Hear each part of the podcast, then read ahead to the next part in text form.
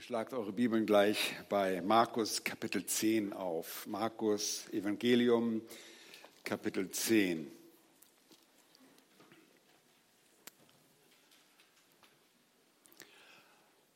Und das ist eine der fruchtbarsten Dinge, die wir tun können, wenn wir das Leben unseres Herrn Jesus Christus hier auf Erden betrachten.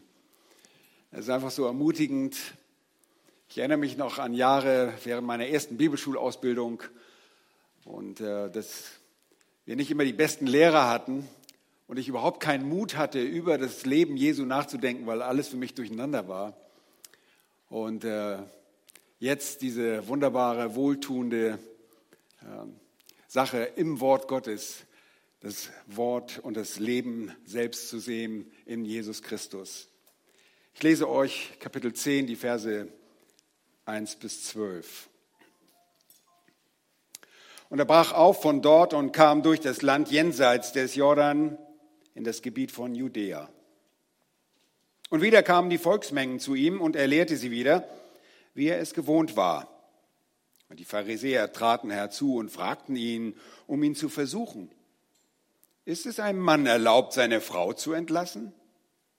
Er beantwortete und sprach zu ihnen, was hat euch Mose geboten? Sie sprachen, Mose hat erlaubt, einen Scheidebrief zu schreiben und seine Frau zu entlassen. Da antwortete Jesus und sprach zu ihnen, wegen der Härte eures Herzens hat er die, euch dieses Gebot geschrieben. Am Anfang der Schöpfung aber hat Gott sie als Mann und Frau erschaffen. Darum wird ein Mann seinen Vater und seine Mutter verlassen und seiner Frau anhängen. Und die zwei werden ein Fleisch sein. So sind sie nicht mehr zwei, sondern ein Fleisch. Was nun Gott zusammengefügt hat, das soll der Mensch nicht scheiden. Und seine Jünger fragten ihn zu Hause nochmals darüber, und er sprach zu ihnen, wer seine Frau entlässt und eine andere heiratet, der bricht die Ehe ihr gegenüber. Und wenn eine Frau ihren Mann entlässt und sich mit einem anderen verheiratete, verheiratet, so bricht sie die Ehe. Soweit das Wort. Lass uns zusammen beten. Herr, danke für dein Wort, für dein irrtumsloses, unfehlbares Wort, das in der Tat keine Überarbeitung braucht und dennoch immer aktuell bleibt. Danke, dass wir uns darauf verlassen können, dass das unsere Hoffnung ist in unserem Leben, dass wir darauf bauen können, ohne jegliche Zweifel hegen zu müssen. Danke für diese wunderbare Lehre, die du uns gibst. Danke für dein Leben, für deine Bereitschaft, für uns zu kommen. Ein Leben zu führen, das perfekt und heilig war, dass du uns gezeigt hast, was es heißt, gottesfürchtig zu handeln. Danke für die wunderbare Lehre, die du weitergegeben hast, für Korrektur, für Überführung, die du auch heute bringst durch deinen Geist. Wir beten, rede du zu uns durch dein Wort. Mach du uns die eindeutige Wahrheit über die Ehe und die Ehescheidung deutlich aus diesem Text, um deines Namens willen. Amen. Nun, das Thema Ehe und Ehescheidung und die damit verbundene häufige Ehescheidung, muss ich sagen, hat in unserem Land und überall in der Welt immer eine Rolle gespielt. Die Ehescheidungen haben dabei in den letzten zehn Jahren in Deutschland, man höre und staune, abgenommen. Hm, allerdings nur, weil es zum einen nicht mehr so viele Eheschließungen gab und zum anderen, weil auch Beziehungen dazu gehören, die vor Gott nicht als Ehen gelten. Zum Beispiel wurden äh, in 2018 rund 30.000 Beziehungen registriert, die erst jüngst von unserer Regierung als Ehe bezeichnet werden, vor Gott aber nicht als solche gelten und in keiner Weise seinen Vorstellungen entsprechen. 30.000. Viele in Deutschland lebende Menschen gehen erst gar keine Ehe mehr ein, weil die Statistik zeigt, dass eine Ehe ohnehin nur durchschnittlich 14,8 äh, Jahre hält und danach nur viel Scherereien und Kosten mit sich bringt. Der traurige Rekord ist, dass heute sich dreimal so viele Ehepaare nach bereits über 30 Jahr Ehejahren trennen, wie noch vor 50 Jahren. Scheidung ist nicht mehr nur ein Thema für jüngere Leute, sondern auch unter den Senioren ein Dilemma. Das Thema, das zu Jesu Zeiten aktuell war und mit dem sich Jesus auch bei dieser Konfrontation mit den geistlichen Leitern des Landes auseinanderzusetzen hatte, war nicht, ob Alf und Ralf oder Agathe und Rahl heiraten durften. Es ging auch nicht darum, die Frage zu klären, ob sich Polygamus, Britta, Bella und Brigitte zur Frau nehmen durfte. Keineswegs.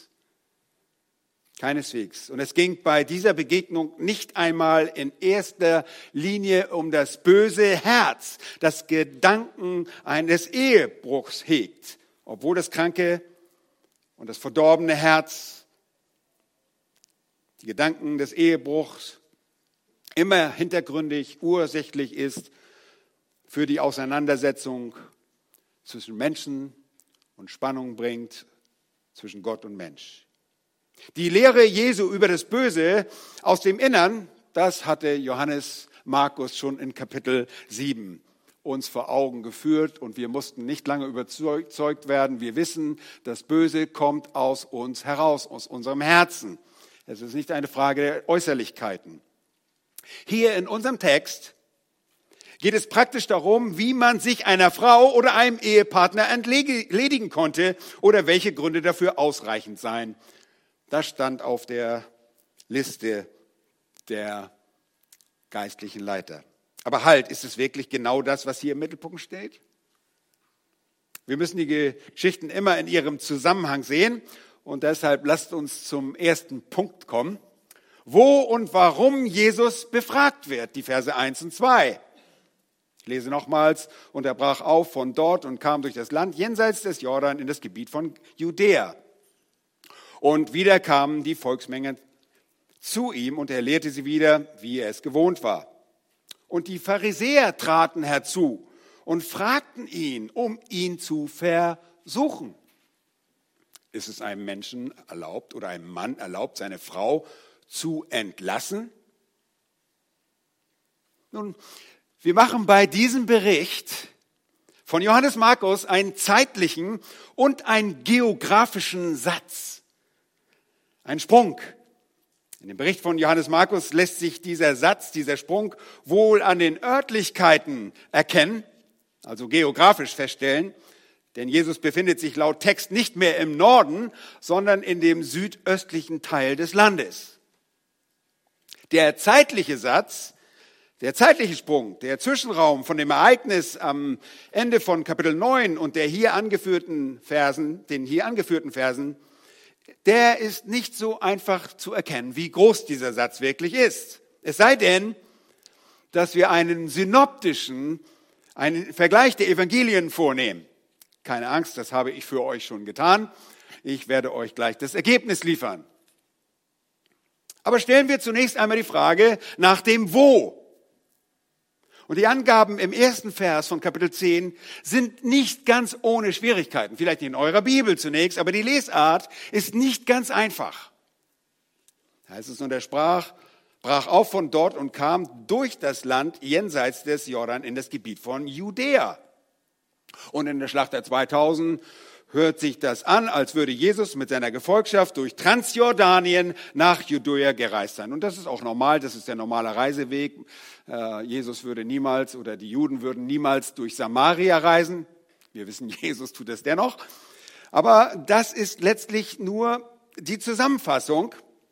Auch wenn es an sich konkret im Endeffekt seine Reiseroute beschreibt, so ist sein Dienst während dieser Begebenheit nicht wirklich in der Provinz Judäa.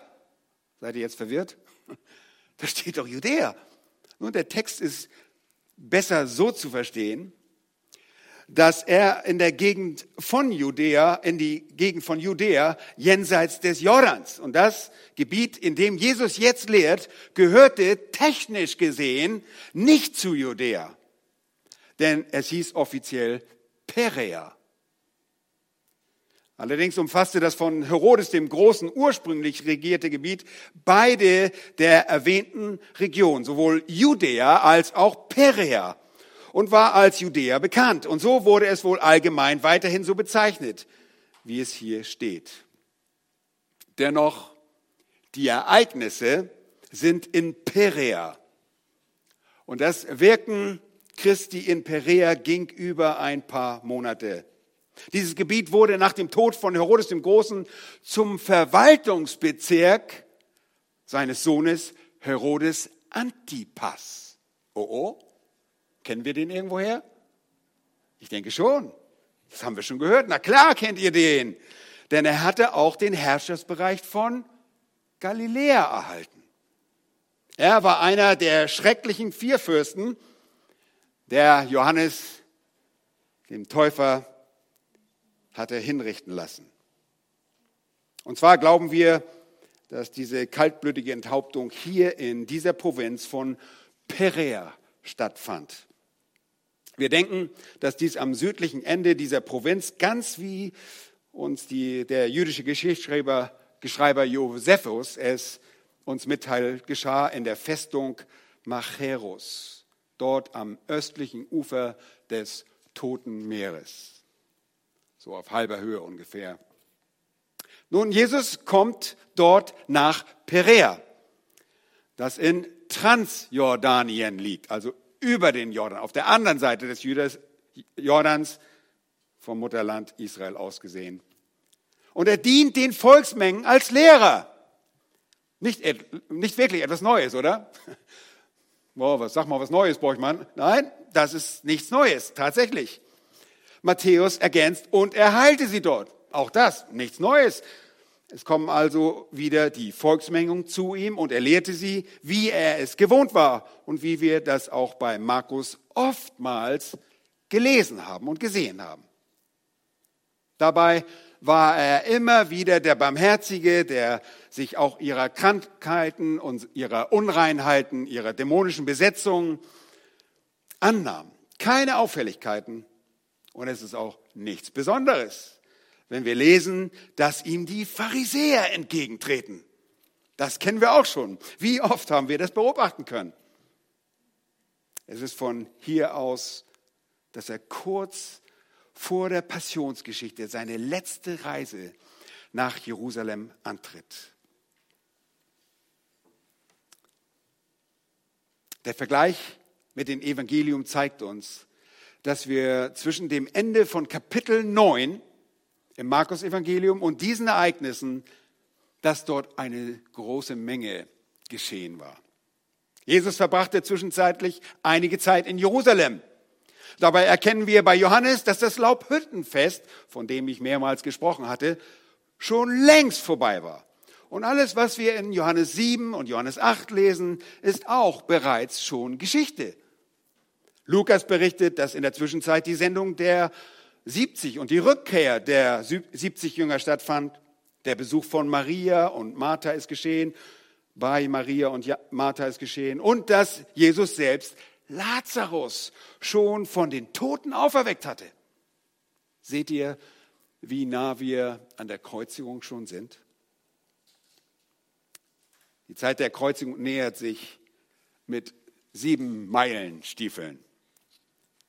Zwischendrin hatte Jesus eine erneute Debatte mit den Schriftgelehrten und Pharisäern, die ihn auch immer wieder gotteslästerlich anklagten. Nachzulesen in Lukas 11. Auch das folgte nach Kapitel 9 vor diesen Ereignissen Kapitel 10. Nun kurzum, Jesus ist jetzt aller Wahrscheinlichkeit nach beim Lehren auf seinem letzten Weg nach Jerusalem, um dort zu sterben. Und es ist nicht verwunderlich, dass die Pharisäer nicht locker lassen. Sie kommen auf Jesus zu und wir lesen, und die Pharisäer traten herzu und fragten ihn, um ihn zu versuchen. Ist es einem Mann erlaubt, seine Frau zu entlassen? Und es ist bezeichnend, dass sie ihn noch im transjordanischen Perea abfangen.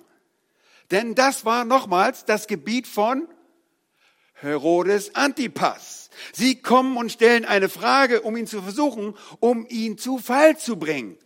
Sie hatten keinen größeren Wunsch, als ihren ärgsten Feind, und das war Jesus in ihren Augen, ihn abzusägen. Und sie stellen keine Frage, um göttliche Antworten zu erhalten. Denn sie erkannten Jesus nicht als Retter und sie erkannten ihn nicht als Messias. Die Versuche, Jesus zu Fall zu bringen, waren ihnen zuvor nie gelungen. Erinnert euch daran? Niemals. Und dennoch hatten sie die Hoffnung nicht aufgegeben, es ein weiteres Mal zu versuchen.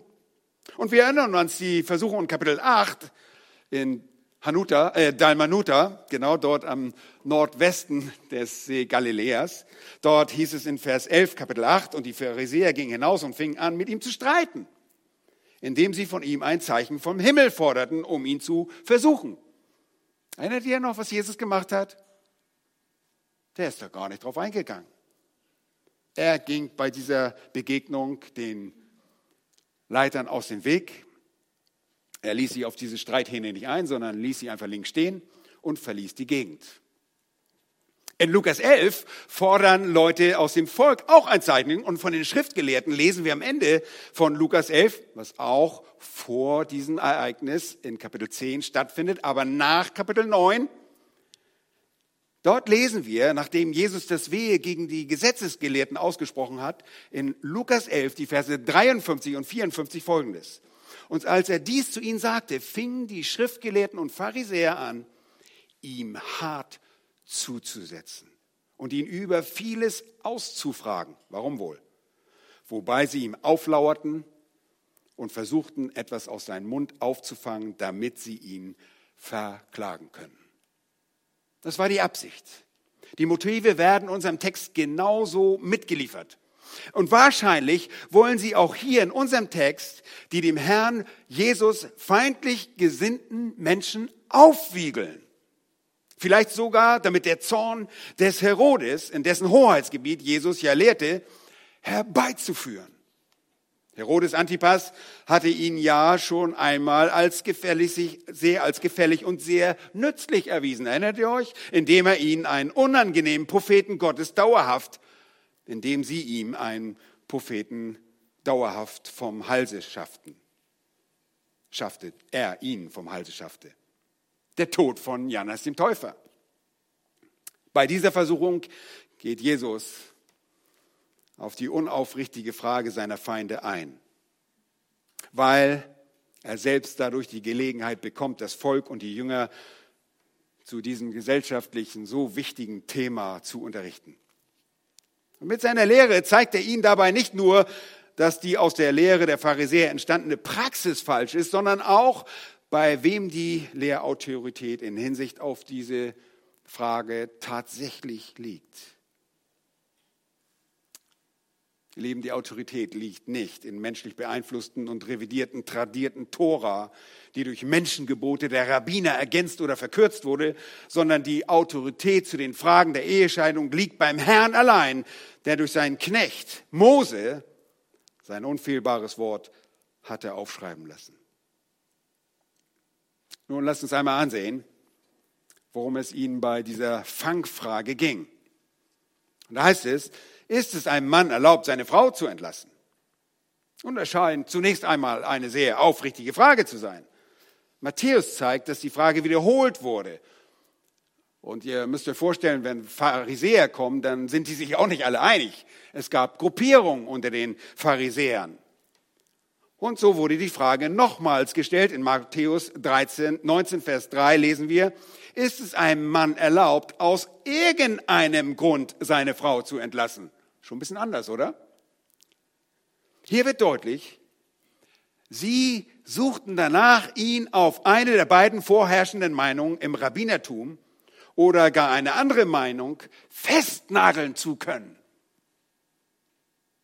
Zwei Meinungen waren vorherrschend. Zu der Zeit Jesu waren zwei Ansichten zu dem Thema der Ehescheidung vorrangig.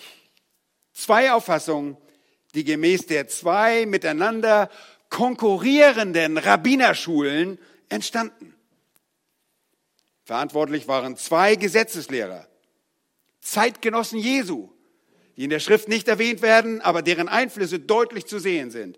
Ihre Namen sind Hillel und Shammai, die zu den sogenannten Zugot gehörten.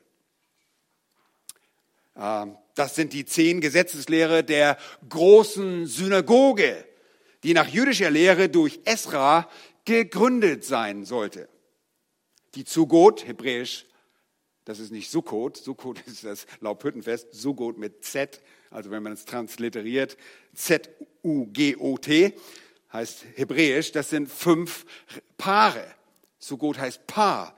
Das sind fünf Rabbinerpaare, Paare, die im Zeitraum von 200 Jahren jeweils nacheinander zusammen auftraten, von denen Hillel und Shammai die letzten beiden waren. Hillel war der Nasi, nicht Stasi, nicht Nazi, Nasi, also von Nase mit einem I, der Vorsitzende. Und Shammai war der Afbedin, der Herr des Gerichts oder der Stellvertreter.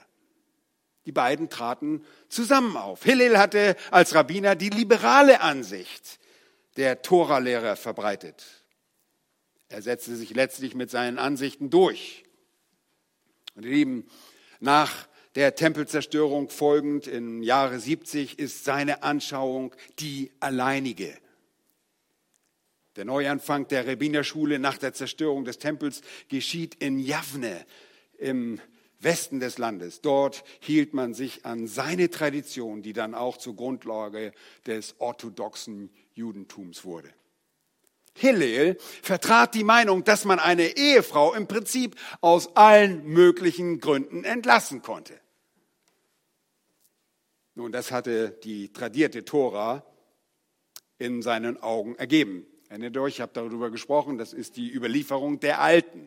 Das hat nichts mit den Glaubenvätern der, äh, der alten Zeit zu tun. Die Glaubenväter sind Abraham, Isaac, Jakob und Glaubenshelden, aber die Tradition der Alten, das sind diese Zugo, diese fünf Paare, die durch die Tradition was hinzugedichtet haben zu dem, was die Tora gesagt hat. Das hatte die tradierte Tora in seinen Augen ergeben, dass man eine Frau aus allen möglichen Gründen entlassen konnte.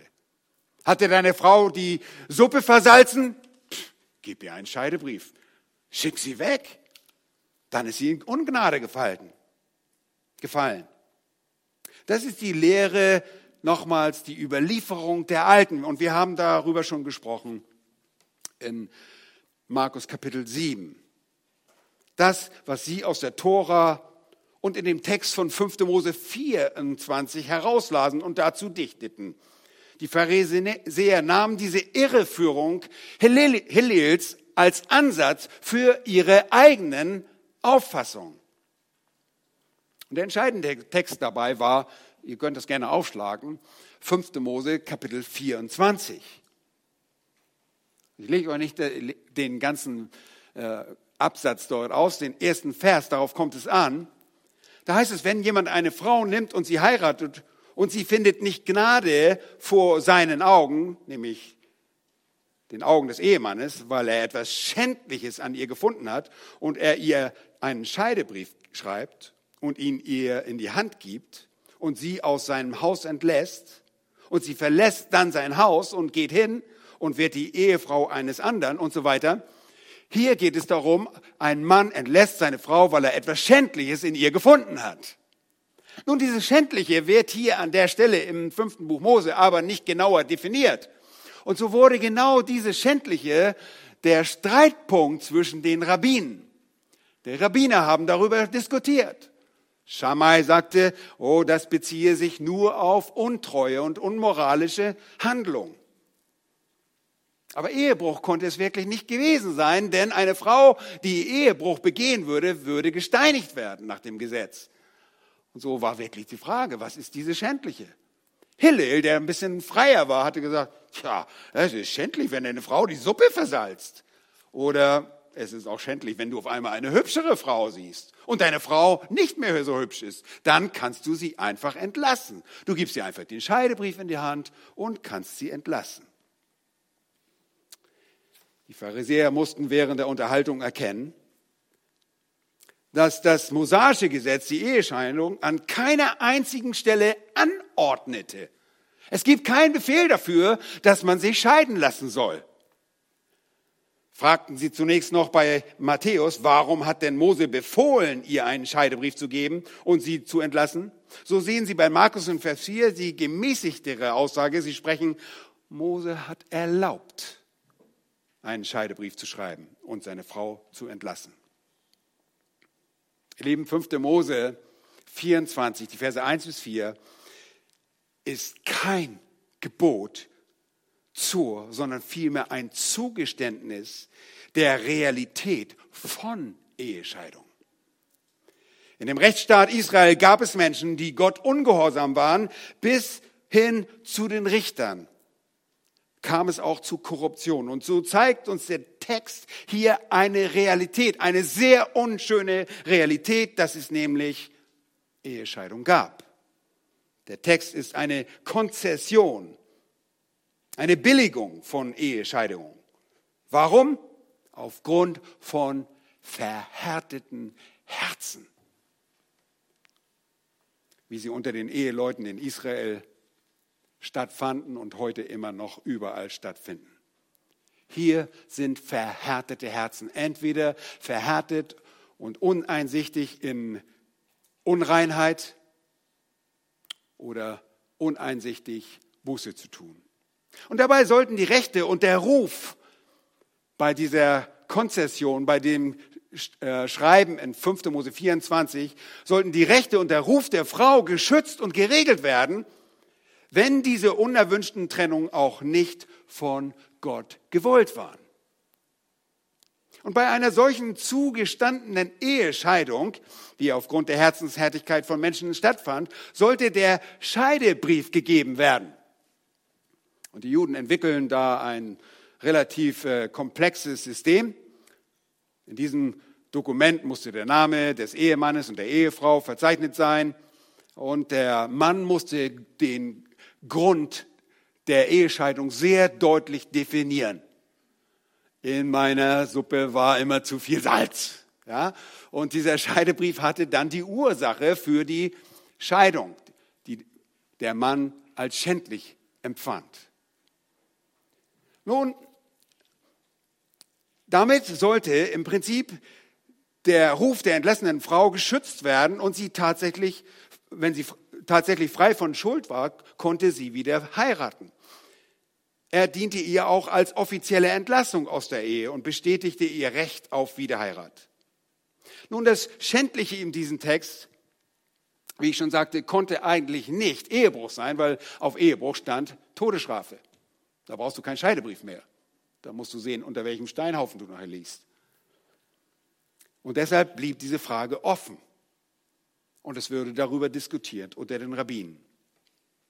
Deshalb brach diese Diskussion vom Stapel. Hillels Anhänger hatten 5. Mose 24 zugunsten der falschen Lehre so ausgelegt, dass Ehescheidung aus jedem erdenklichen Grund erlaubt wäre. Und die einzige Voraussetzung war der ordnungsgemäße Scheidebrief, der der Ehefrau zusammen, hört gut zu, mit der Hochzeitsverschreibung übergeben werden musste.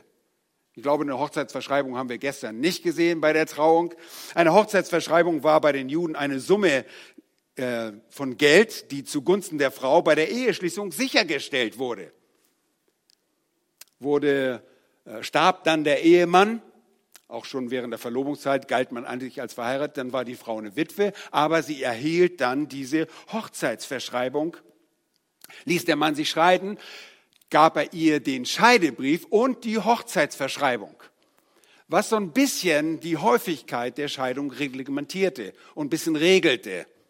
Dann man musste ja zum einen die Hochzeitsverschreibung zurückgeben, diesen Haufen Geld, und zum anderen, wenn man wieder heiraten musste, musste man noch einen neuen Betrag aufbringen, um eine neue Frau zu heiraten.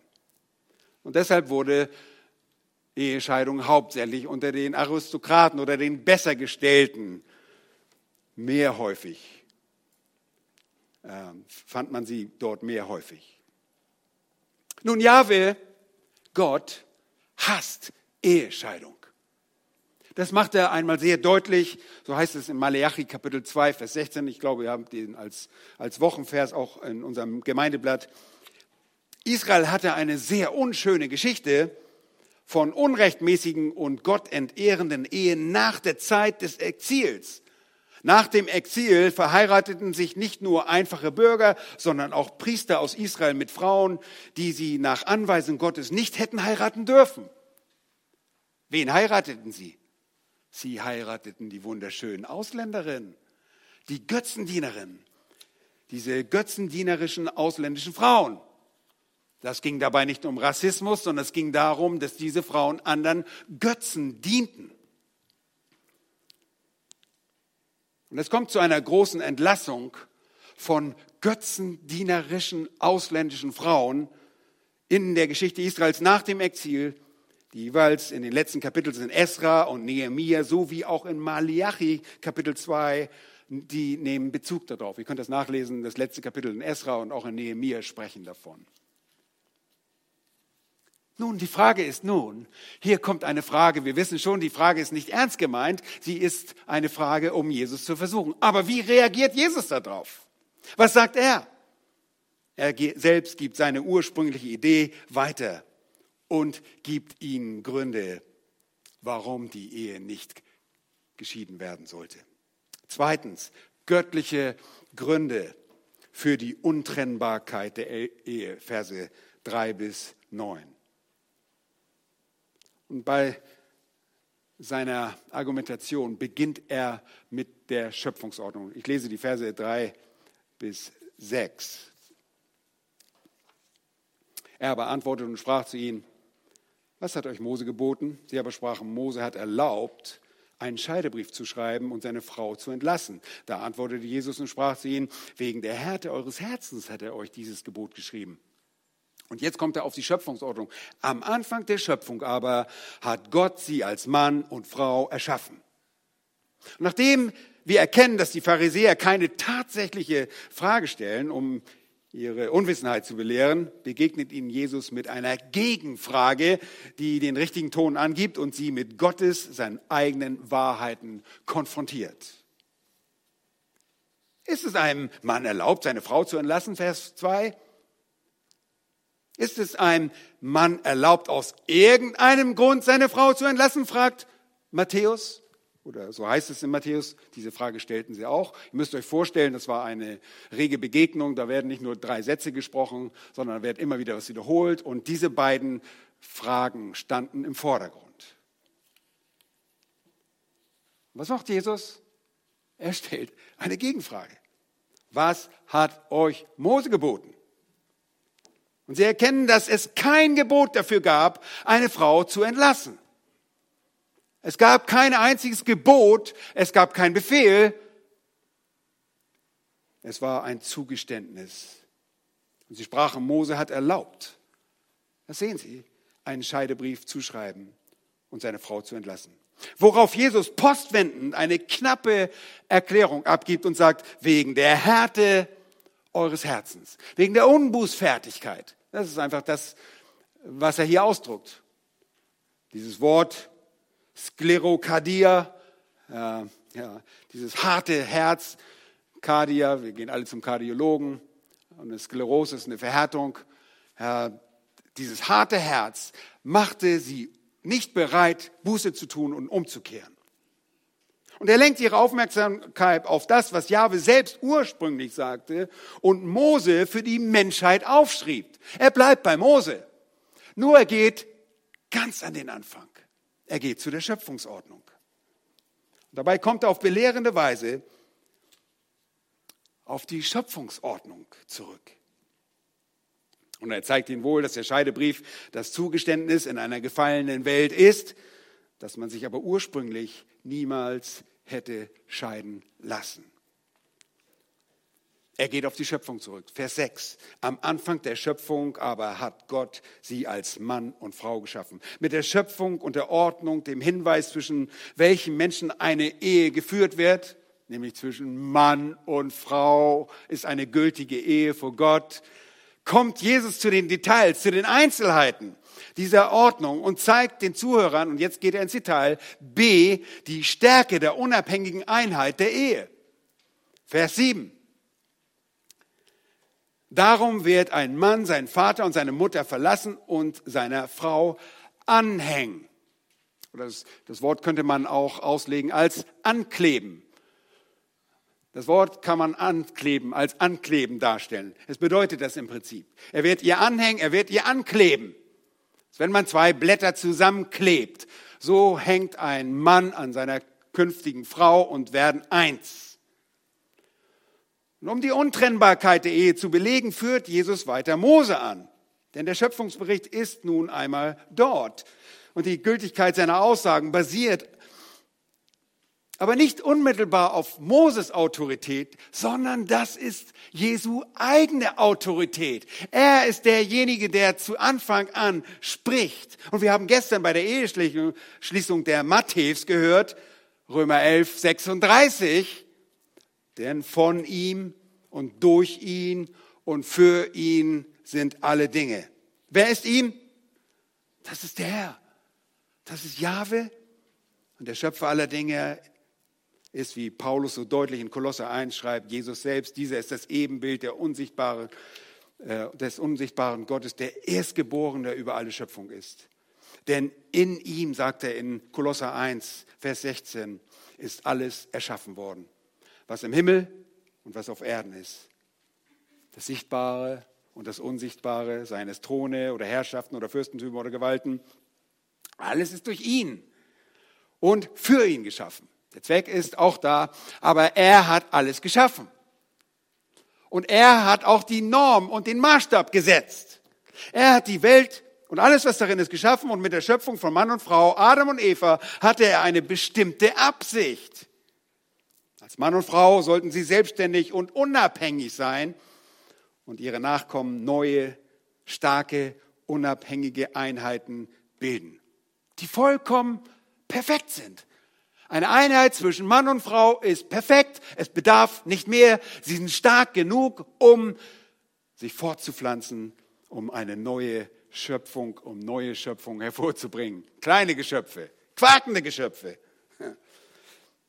Die Absicht lag nicht in der Großfamilie, bei der ein andauernder Patriarch über alle herrschte.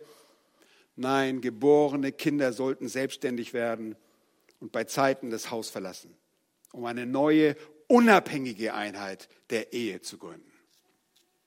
Das ist seine Absicht. Und diese Absicht würde zerbrechen, wenn man eine Ehe auseinandernimmt. Seine Meinung zu Beginn der Weltzeit, die er zur Ehe hatte, bleibt hier bestehen. Er greift im Prinzip sein eigenes Wort auf. Er geht zurück zur Schöpfungsordnung und zeigt, was der Maßstab ist. Seine Meinung zu Beginn der Weltzeit bleibt bestehen. Sie ist nicht verändert. Sein Denken ist unwandelbar. Und bei Jesus besteht deshalb auch kein Durcheinander der Geschlechter. Er erschuf sie als Mann und Frau und ein Mann und seine Eltern sollte seine Eltern verlassen, die aus Vater und Mutter bestehen, die Eltern aus einer und um einer Frau anzuhängen, mit ihr vereint zu sein, an ihr angeklebt zu werden. Ihr Lieben, das war es unser Theologieprofessor, der immer gesagt hat, oder klebt zwei Blätter Papier zusammen mit einem Superglue-Kleber und dann reißt sie auseinander. Kann man die wieder auseinandernehmen? Kann man nicht. Sie zerreißen. Sie ist untrennbar. Es ist eine starke Einheit, die vollkommen ist. Sie braucht nicht und sie soll nicht getrennt werden. Er schuf sie als Mann und Frau. Und ein Mann wird seine Eltern verlassen und seine eigene Frau anhängen. Und er, der Mann, sollte an seiner Frau kleben. Ihr Anhang. Hier sind nicht Alf und Ralf oder Agathe und Rahel die neue Einheit, sondern Mann und Frau, wie immer sie auch heißen. MacArthur erklärt entsprechend dazu, Zitat Beginn, die Ehebeziehung wurde als erste menschliche Einrichtung gegründet. Die Verantwortung, die Eltern zu ehren, hörte mit diesem Verlassen der Eltern und der Heirat nicht auf, sondern repräsentiert die Einführung in einer neuen, wichtigeren Verantwortung. Anhang vermittelt den Gedanken an eine dauerhafte, unauflösliche Vereinigung. Zur Unterscheidung nicht in Betracht kommt. Zitat Ende. Zwei werden zusammengeführt und diese unabhängige Einheit ist stark genug. Sie bilden eine neue starke Einheit. die von der Unauflöslichkeit der Beziehung spricht. Eine Beziehung, die zum Fortbestand der Menschheit wichtig ist. Und diese Einheit spricht deshalb auch deutlich von der Unteilbarkeit der Ehe oder sollte ich sagen, dem, Un, dem Wesen der Ehe, nämlich das zwei eins werden. C, die Unteilbarkeit der Ehe.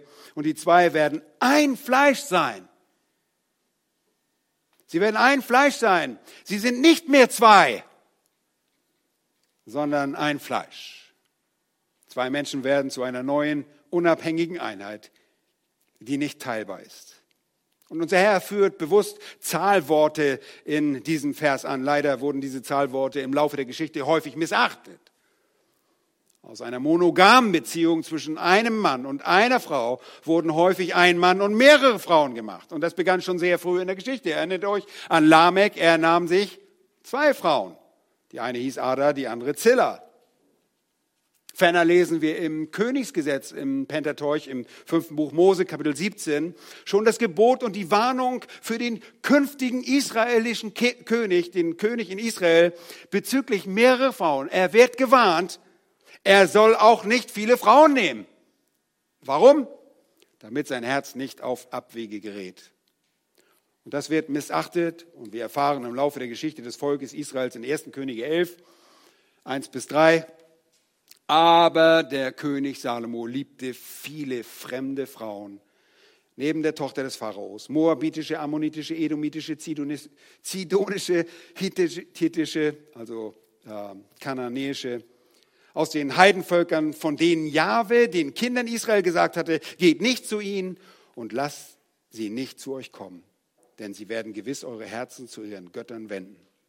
Und diesen hing Salomo mit Liebe an diesen hing Salomo mit Liebe und er hatte 700 fürstliche Frauen und 300 Nebenfrauen.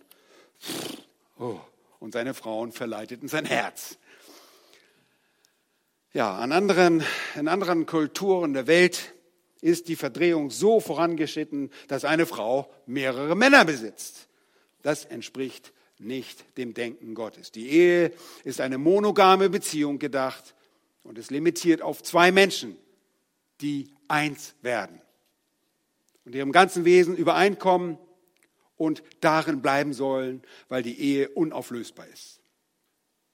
Der Mann, der seinen Vater und seine Mutter verlässt und die Frau, die das auch tut, werden zu einem Fleisch. Was bedeutet das? Es ist ein Ausdruck, der uns die Übereinkunft der beiden Ehepartner anzeigt es ist die Übereinkunft auf ganzer Ebene. Die beiden kommen in ganzheitlicher Weise zusammen. Sie werden eins im Geist, das heißt im menschlichen Geist, in der Gesinnung und Zielsetzung und sie werden eins in körperlicher Hinsicht, so dass es zur Verschmelzung im Körperlichen kommt. Das ist der körperliche Akt des Beischlafs, aus dem von Gott gewollt neues Leben entstehen kann. In der Schrift wird der intime körperliche Akt als das Einfleischwerden bezeichnet. Und dieses Einfleischwerden ist rechtmäßig nur auf die Ehe beschränkt, kann aber unrechtmäßig und im Rahmen von Unzucht und Ehebruch zwischen einem Mann und einer sich prostituierenden Person stattfinden oder einer Frau und einem sich prostituierenden Mann stattfinden. So wie in 1. Korinther Kapitel 6 wo darauf aufmerksam gemacht wird in Versen 15 und 16, dass wir Christi-Glieder sind. Soll nun die Glieder des Christus, soll, ähm, soll ich nun die Glieder des Christus nehmen und Hurenglieder daraus machen? Das sei ferne. Wisst ihr nicht, dass wer einer Hure anhängt, ein Leib mit ihr ist? Denn es werden, heißt es, die zwei ein Fleisch sein. Ein Fleisch und gleichzeitig auch eins im Geistlichen zu sein, das können nur gläubige Menschen. Davon spricht Jesus hier aber nicht. Ein Fleisch zu sein bezieht sich auf alle gültigen Ehen. Nur nebenbei bemerkt, man wird nicht durch das ein Fleischsein zu einem Ehepaar. Sonst wären schon viele Menschen mit Huren verheiratet. Die Ehe wird jeweils gemäß dem Landesrecht geschlossen, unter dessen Autorität sich Mann und Frau zur Eheschließung des ehelichen Bundes in einem Geist und nach dem Willen Gottes stellen. Sie stellen sich unter das jeweilige Landesrecht. Das ist Gott gewollt. Und die Eheschließung ist keine Privatangelegenheit zweier Menschen, sondern ein öffentlicher Akt. Der Punkt ist hier jedoch, dass zwei Menschen eins werden, ein Fleisch, und diese Einheit nicht teilbar ist. Ja, natürlich scheiden sich Menschen, aber das hinterlässt nicht nur Schuld, sondern auch oft Kinder, die diese Einfleischbeziehung besonders ausdrücken, die zwischen zwei Elternteilen auf die Zerreißprobe gestellt werden, diese Kinder. Und das soll nicht so sein. Dem Herrn sei Dank, es gibt Vergebung für alle, die suchen und darin schuldig wurden und zur Buße darüber gekommen sind. Und durch die Vergebung und Wiedergeburt wird der Mensch zu einer neuen Kreatur und darf mit einem reinen Gewissen trotz dieser Vergehen vor Gott leben. Auch wenn es ferner noch Konsequenzen aus vergangenen Fehltritten und Sünden gibt. Als Eva geschaffen wurde, da wurde sie aus Adam genommen. Sie war sein Fleisch und durch die Ehe wird diese Zusammenführung im geschlechtlichen Akt des Einfleischwerdens sichtbar dargestellt. Eine Trennung dieses einen Fleisches ist von Gott nicht vorgesehen. Ferner lehrt Jesus, dass es ein göttliches Werk ist. Vers 9. Schaut mal, was nun Gott zusammengefügt hat, das soll der Mensch nicht scheiden. Nun, die Vereinigung von Mann und Frau in einer Ehe ist ein Werk Gottes. Egal, ob es sich dabei um Christen handelt oder um solche, die nicht an Gott glauben. Die Ehe an sich ist ein Werk Gottes. Und in seinen Vorhersehung nutzt er auch ungläubige Menschen, um sein Werk in der Ehe zum Ausdruck zu bringen. Die Ehe ist die Einrichtung Gottes, die von ihm errichtete Institution für Mann und Frau. Ehe ist Gott gewollt und irdisch dauerhaft, bis Gott für ihr Ende sorgt. Wie heißt es immer so schön? Bis dass der Tod euch scheidet. Oh, ist Jesus der Tod? Nein, aber er sorgt dafür. Er weiß, wann der Mensch stirbt. Er hat deinen Todestag bestimmt. Und er beendet das. Deshalb ist auch ein Freitod keine Option. Er beendet die Ehe. Er beendet dein Leben. Er ist nicht der Tod. Er bestimmt den Tod. Und weil es sein Werk ist, soll der Mensch die Ehe ehren und sich in ihr nicht, in ihr nicht die Trennung suchen. Und hier ist der ausdrückliche Befehl, dass der Mensch die Ehe nicht selbst beendet. Hier heißt es, das, sagt Jesus, soll der Mensch nicht scheiden. Wenn es zu einer Trennung zwischen Mann und Frau auf dieser Erde kommt, dann weil Gott es so will. Und natürlich hat Jesus auch dort ein Zugeständnis gemacht, denn er weiß auch, dass selbst in christlichen Ehen, die geschlossen worden sind, vielleicht der ein oder andere Partner ein Heuchler war oder vielleicht einer nicht zum Glauben gekommen ist oder äh, nur einer zum Glauben kommt. Und es kann sein, dass ein Ehepartner ausschert in Hurerei. Und so gibt es eine Ausnahmeklausel für die Trennung gemäß Matthäus Kapitel 19, Vers 9. Es sei denn um der Hurerei willen. Wenn du dich trennst es sei denn, um der Hurerei willen begehst du Ehebruch und eine andere heiratest.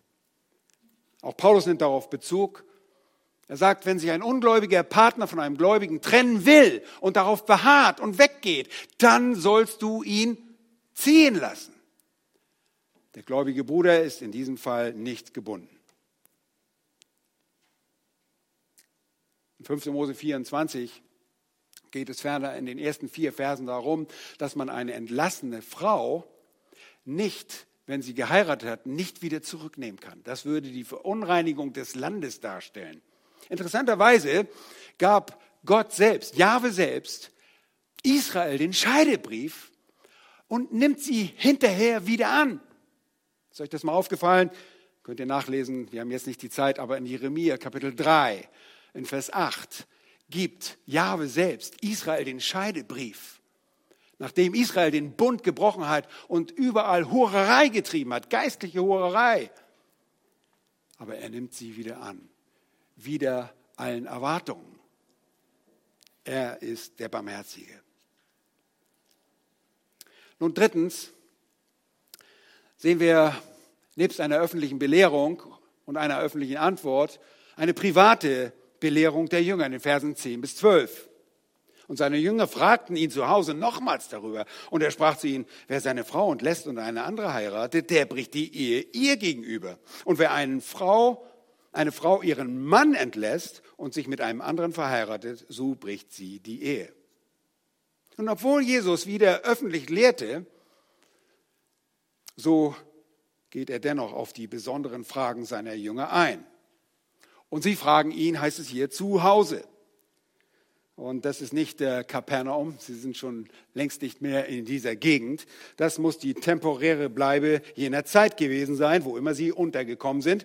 Wir wissen nicht genau, was die Jünger in Hinsicht auf das Thema nochmals erfragten und was sie wissen wollten. Aber Jesus erweitert das Thema der Ehescheidung zu der unrechtmäßigen Wiederverheiratung. Und zwar die Wiederverheiratung eines Mannes zunächst und dann auch der Frau.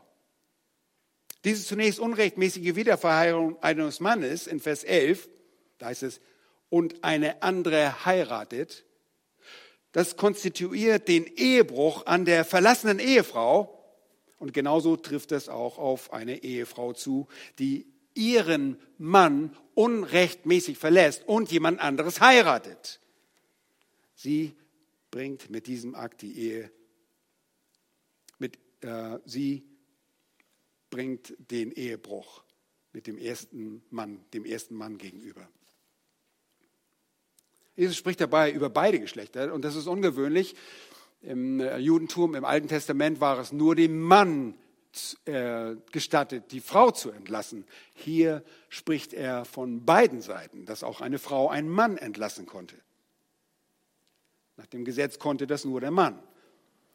Nun geht er auf beide Geschlechter an. Beide Mann als auch Frau würden des Ehebruchs schuldig, wenn sie ihre Partner entließen und mit einem neuen Partner in die Ehe gingen. Die Wiederverheiratung macht eine Versöhnung unmöglich.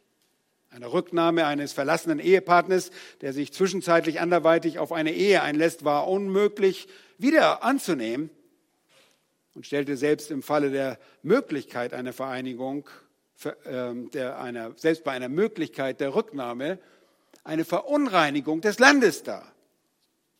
Und deshalb war das verboten. Nun, ich sagte, es gibt diese Ausnahmeklausel, aber lieben, ähm, da hängt sehr viel dran. Wenn jemand sagt, um der Hurerei willen kannst du deinen Partner entlassen, dann heißt es nicht, Hast du gesehen? Mein Mann hat gerade dieser Frau hinterher geguckt. Er hat Ehebruch begangen. Ich kann mich scheiden lassen. Nein, nein, ganz so einfach ist es nicht. Wir wissen alle um den Ehebruch, der in den Herzen stattfindet. Wir können wissen um Ehebruch, der mit einer temporären Tat begangen wird. Aber hier geht es um ein Verharren in einer äh, unmoralischen Beziehung. Wenn ein Partner verharrt da drin und nicht bereit ist, zurückzukehren und Buße zu tun, es wird nirgendwo geboten, lass dich jetzt unbedingt von deinem Partner scheiden.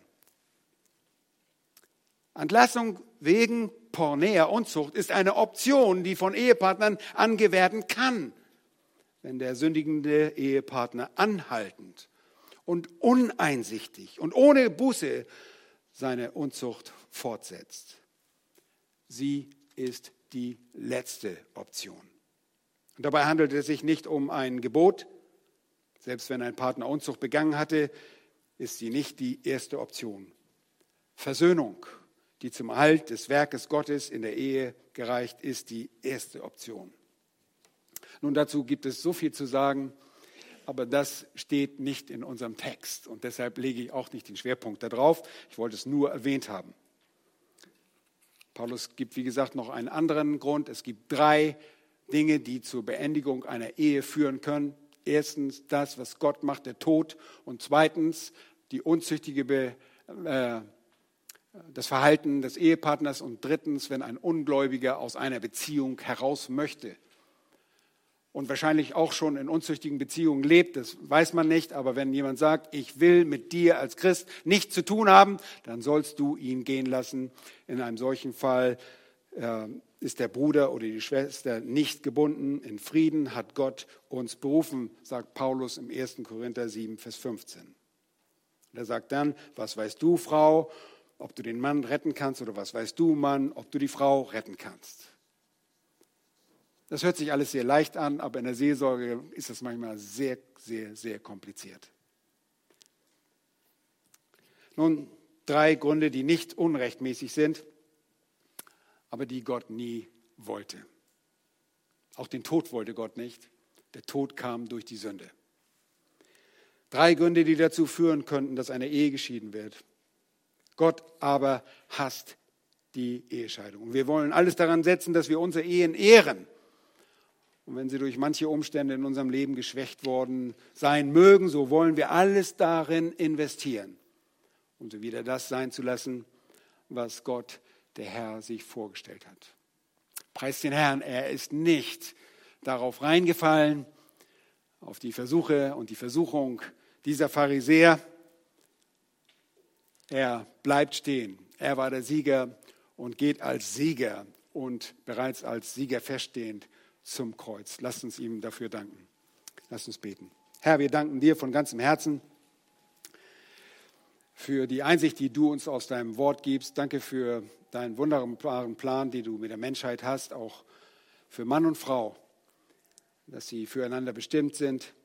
Wir bitten dich von ganzem Herzen, dass du die Ehen, die auch in unserer Gemeinde bestehen, stärkst, dass du uns das sein lässt, was wir sein sollen, dass wir unsere Ehepartner lieben, dass wir uns ihnen hingeben bitte dich auch für solche, die gerne heiraten möchten, dass du auch Gnade schenkst, dass sie es tun können.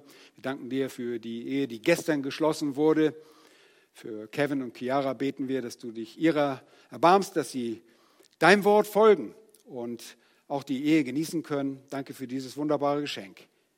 Wir geben dir die Ehre und wir bitten, dass du dich weiterhin auch durch die Ehen in unserer Gemeinde verherrlichst und dass wir das darstellen, was du dir vorgestellt hast dass wir als Ehemänner unsere Frauen lieben, wie du die Gemeinde geliebt hast und dass unsere Frauen sich ihren Männern unterordnen, wie die Gemeinde sich dir unterordnen sollen. Hilf, dass wir das gut repräsentieren und du dich freuen kannst. In Jesu Namen. Amen.